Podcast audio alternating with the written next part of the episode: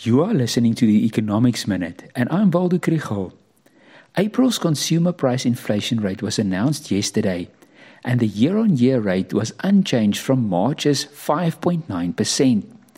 Month on month, inflation increased by 0.6%.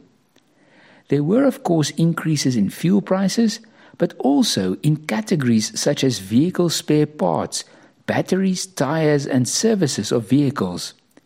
Year on year, the rise in food prices was 6%.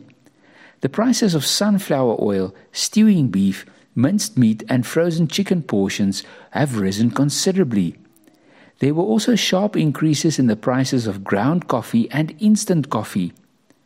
All this is interesting, but what does the big picture mean for today's repo rate decision?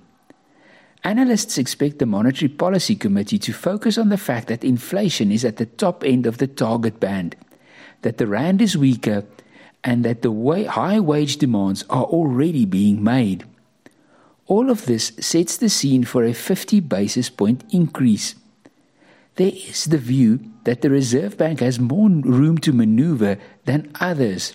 They can make a 50 basis points increase once and then return to 25 basis point increases thereafter.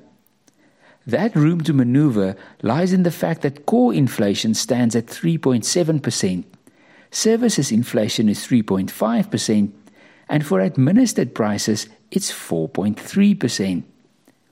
It's necessary for the reserve banks to show that they will do whatever they need to do to ensure low and stable inflation but they do not have to apply the brakes for too hard for too long.